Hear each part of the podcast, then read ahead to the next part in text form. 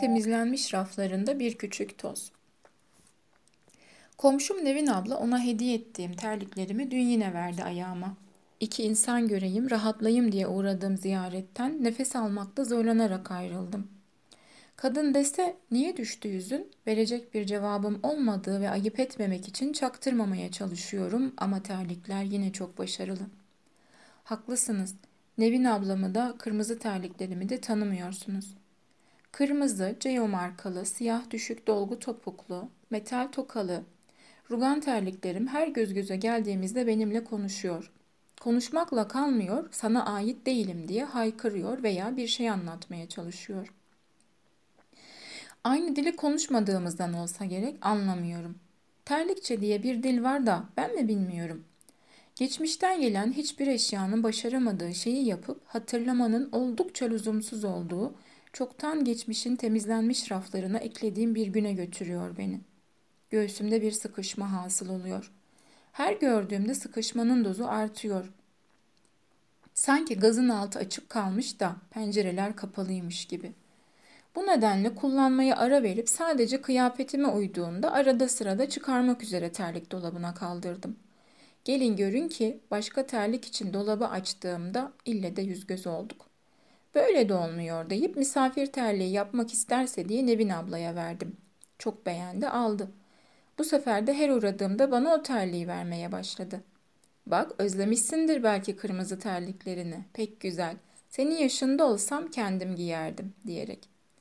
Hemen ışınlanıyorum o güne. Anlatmıyorum komşuma hikayesini. Bize de anlatmayacaksan neden açtın ki konusunu derseniz haklısınız. Biraz argo olacak kusura bakmayın. Ben de hiç hoşlanmam gıdaklanıp yumurtlanmamasından. Elbette size anlatmak için açtım bu bahsi. Bazen anlatırken zihin açıklığı geliyor insana. İnsanların neden bana akşam pazarı gibi davrandıklarını anlamadığım zamanlardı. İstedikleri şeyi her zaman değerinin altında alacaklarına emin oldukları zamanlar. Benim de yeter ki alsınlar diye düşündüğüm zamanlar. Benim rahmetliyle nişanlıydık. Ölmeyen adama niye mi rahmetli diyorum? Ayrılıkta da bir çeşit cenaze çıkıyor ya evden. Gömdün, bitirdin, dualayıp helvasını kavurduysan ölmüş sayılır senin için.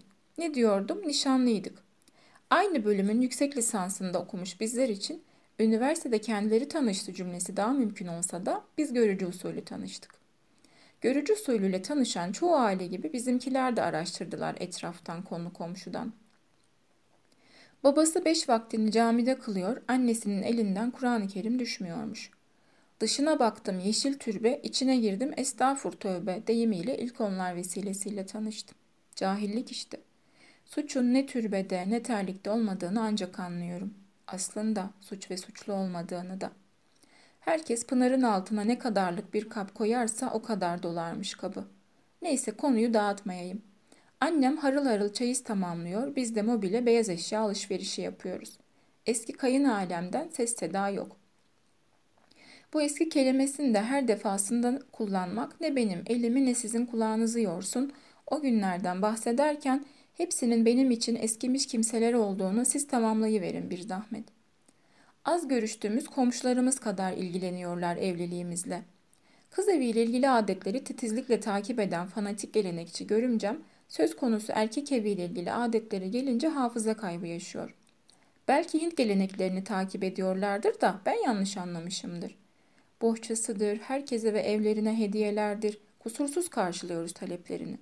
Fakat ben bohça görmeyi bırakın bir oyalı yazma veya havlu bile görmedim. İhtiyacım yok diye düşünülmüş. Dolaplarım doluydu. Çeyizlerim dört kız evlendirirdi. Onların deyimiyle çalışan gelindim. Ama annesinden bekledim. Cahillik işte. Ne aile yadigarı bir takıda ne de parada pulda gözüm vardı. Oğlum evlendiriyorum diye heveslenip gelinine bir şey hediye etsin istedim. Anne diyordum kendisine ne de olsa. Bu da adettendi. Ama o bana kızım değil gelin diyordu. Nadiren bir şey alınacaksa onu da nişanlıma aldırıyordu. Nişanlılığımızın ilerleyen aylarında kayınvalidem görkemli bir törenle bana aldığı hediyeyi takdim etmeden önce iki görümcem annelerine verdin mi ne zaman vereceksin gibi şeyler fısıldıyor kaş göz yapıyorlardı. Getirin dedi.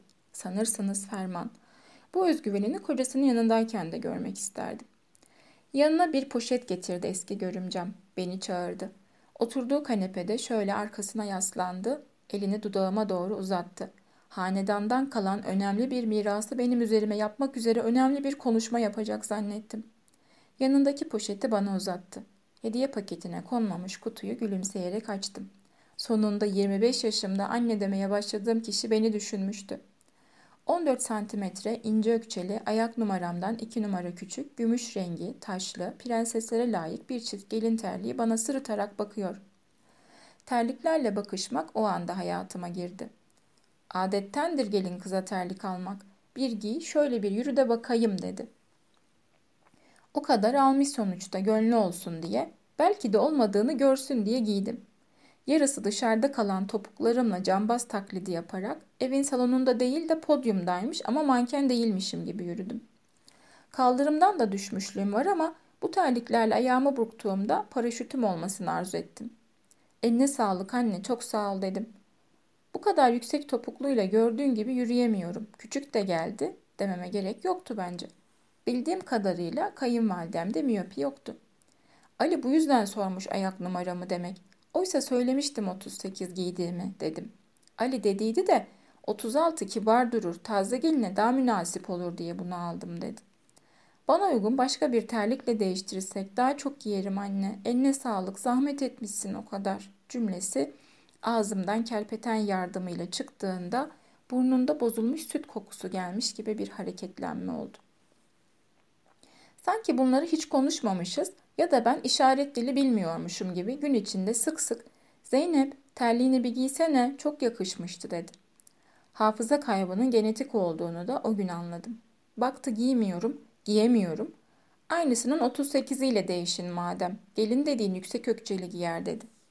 Nasıl güzel baksana ışıl ışıl. Akşam neden bizimle geldiğini anlamadığım büyük kaynımla birlikte değişim için terlikçiye gittik.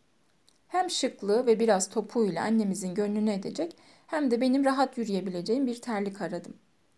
Önce elimizdeki terliğin fiyatına muadil terliklere baktım ama o fiyata sadece onun gibi terlikler bir de gündelik ev terlikleri vardı. Hani markası bilinmeyenlerden. Bana uygun sadece abartısız gösterişiyle Cayo marka kırmızı terlikler ilgimi çekti ama o da öteki terliğin iki katı fiyattaydı. Bunu beğendim demekti epey zorlanıp uygun fiyatlı reyonda dolanıp durdum. Neden bizimle geldiğini anlamadığım kaynım hadi bir şey beğenin de çıkalım artık deyince ben de bunu beğendim deyiverdim. Fiyatını duyunca nişanlımın burnunda bozuk et kokusu gelmiş gibi bir kok hareketlenme oldu. Bu da genetik sanırım. Üstünü tabii ki nişanlım tamamladı. Böylece kayınvalidemin ilk ve tek hediyesinin parasını da kendisi ödememiş oldu. O gün evdeki en büyük gündem prenses terliğini verip yerine ne alacağımdı. Kapıda karşılandık. Hemen poşet elimden alındı. Kırmızı terlikleri görünce kayınvalidemin yüzünde yasını tutmayı ertelediği bir kaybın acısını gördüm. İnsanın verdiği şeyin, emeğinin değerinin farkında olmasının ne yüce bir haslet olduğunu da sayelerinde o akşam öğrendim. O gün bugündür kırmızı terliklerim zaman makinesi gibi davranıyor. Bakışabildiğim terliklerle anlaşabilmenin de bir yolunu artık bulmam gerekiyor. Belki terlikler de insanlar gibi anlaşıldıklarında anlatma çabasını bırakıyorlardır. Anlamıyorsa anlatmaya çalışarak yorulma veya anlattıkların muhatabının anladığı kadardır gibi tavsiyelerin terliklerde işe yaramadığı kesin. Aklımda terlikler, göğsümde daralma, uykuya daldım. Bütün gün kendisini düşünmem ona yetmemiş sevgili gibi rüyama girdi. Takip et dedi. Yani demedi de rüyada demiş gibi olur ya öyle. Bizim evimizmiş ama eskiden. Odalara giriyoruz çıkıyoruz. Bazı odaların temizliğiyle iftar ediyoruz. Yani öyle gibi hissediyorum. Sonra başka bir eve dönüşüyor. Yine bizim evmiş ama bu sefer alt kattaymışız. Kalabalıkmış ama sakinleri evde değilmiş. Terlik önde ben arkada çizgi filmden hallice ilerliyoruz. Bazı odalar yine sade, temiz ve düzenli. Eşyalar da yeni sayılır.